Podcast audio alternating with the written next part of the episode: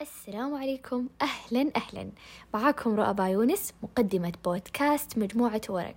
البودكاست الذي يزرع حب القراءة والكتب بداخلكم وينبت فاصلا جميلا بداخل أنفسكم. يا أهلا وسهلا. في أول حلقة في بودكاست مجموعة ورق. في هذه الحلقة حقول مين أنا وليش افتتحت هذا البودكاست؟ وإيش الشيء اللي يميز البودكاست حقي عن غيره؟ وإيش سبب تسميته بمجموعة ورق؟ بالبداية أنا رؤى عاشقة لكوب قهوة بصحبة كتاب.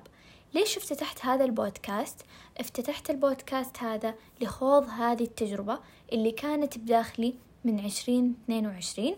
سحبتها معايا عشرين ثلاثة وعشرين عشان أميز هذه السنة. إيش سبب التسمية؟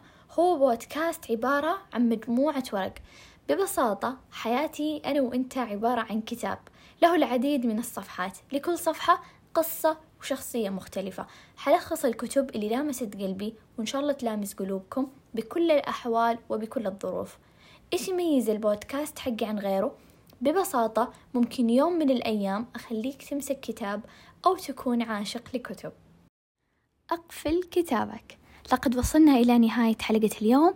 أتمنى نالت إعجابكم ولا تنسوا تستخدموا مؤشرات التواصل الاجتماعي لطرح أفكاركم وآراءكم وآراءكم في صفحة جديدة.